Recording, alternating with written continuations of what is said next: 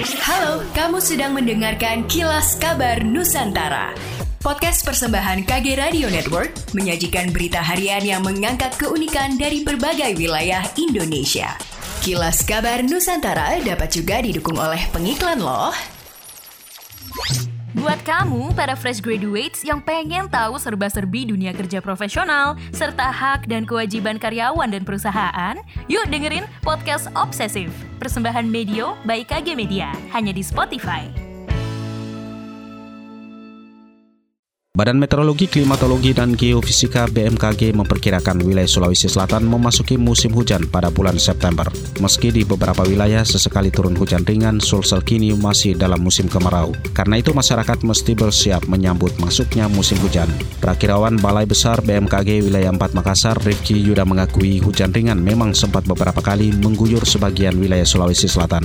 Hujan yang turun di puncak musim kemarau merupakan efek dari anomali cuaca. Anomali cuaca merupakan kondisi tidak teraturnya cuaca dari keadaan normalnya secara rata-rata. Contoh anomali cuaca yaitu hujan di tengah musim kemarau, begitupun sebaliknya, yakni kondisi yang tiba-tiba panas di musim hujan. Pihaknya memprediksi puncak musim hujan akan terjadi pada Januari 2023. Namun khusus untuk wilayah Sulawesi Selatan bagian barat seperti Makassar, Maros, dan Pangkep, kemudian Sulawesi Selatan bagian selatan dan timur.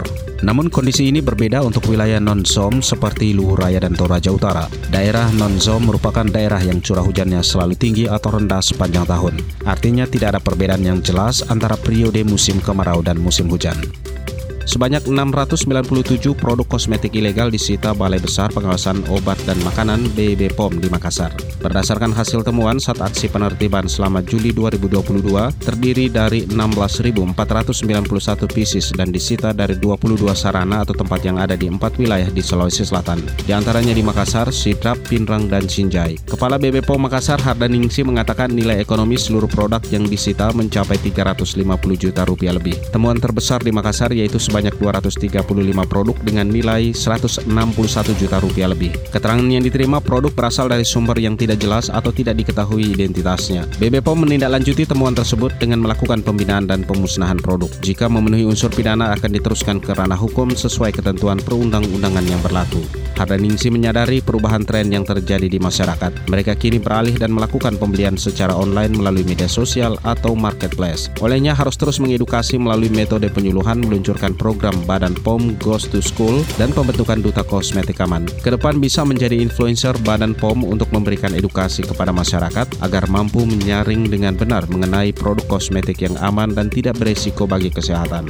Ketua Komisi Nasional Hak Asasi Manusia Komnas HAM Ahmad Taufan Damanik mengatakan pelaku penembakan Brigadir J atau Nofrian Syah Yosua Huta Barat bisa saja lebih dari dua orang. Namun Taufan mengatakan pelaku yang menembak dalam kasus ini masih dalam perdebatan lantaran bukti yang ada hanya diperoleh dari keterangan para pelaku. Taufan mengatakan saat ini yang paling penting adalah mengungkap peristiwa penembakan tersebut dengan terang benderang. Demikianlah kilas kabar Nusantara pagi ini.